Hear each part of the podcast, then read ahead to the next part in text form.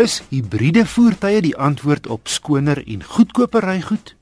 Ek het Mercedes se C350e getoets om uit te vind. Hy kom met 'n 2 liter turbo petrolmasjien en 'n batterymotor.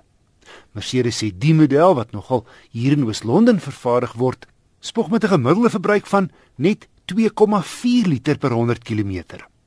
Klink dit net te goed om waar te wees? Die C350e het so onder die regter agterlig 'n deurtjie wat oopmaak met 'n oppervlak van min of meer so groot soos 'n klein bord. En dan druk jy eenvoudig jou elektriese laaier amper soos 'n groot selfoon laaier. Kragpunt in en daar gat jy. Jy los hom vir so 2 ure en jou battery is vol gelaai.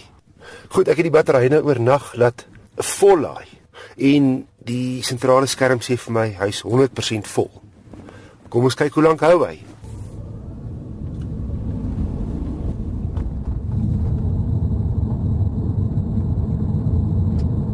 Wanneer die battery volgelaai is, trek hy heel sterk genoeg krag om by gewone verkeer te hou.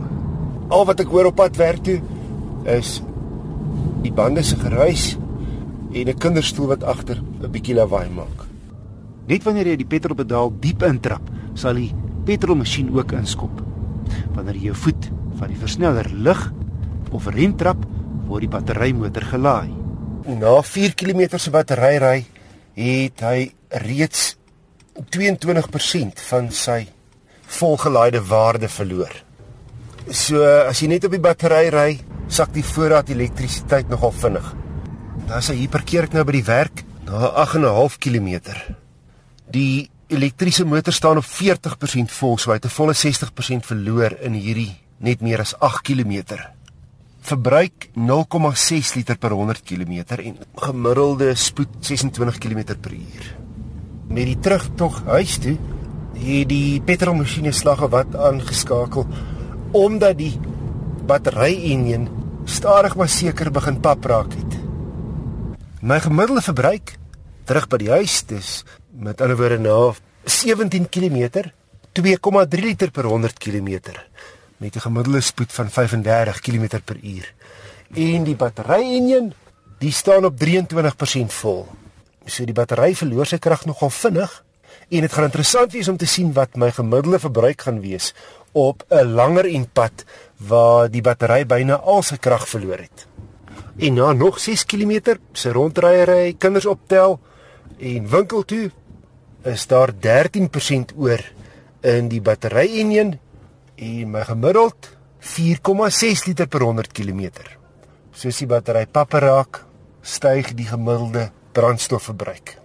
En toe 'n laaste trippie laat die middag so 14 km in redelike digte stadsverkeer het die verbruik opgeskiet na 7,5 liter per 100 km met die batterymasjien wat 18% vol gelees het en dit lyk my hy stabiliseer so tussen 12 en 18% wanneer jy rem trap. So hy bly 'n bietjie gelaai. Maar kom ons kyk wat doen hy op my brandstofroete wat een helfte stadsverkeer en een helfte snelweg behels. En met die wegtrek sê hy vir my my elektriese ryafstand is 31 km. So aan die begin van my tog loop hy net op die battery lekker volgelaai en lekker sterk.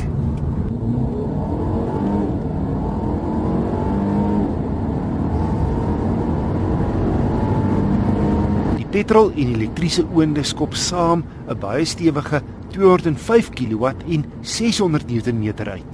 Mercedes sê 0 na 100 neem net 5,9 sekondes.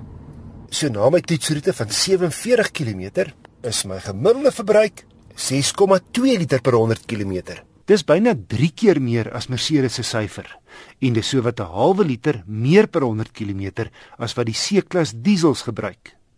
Verder is hibriede inprop tegnologie nog duur. Die C350e kos R805 000.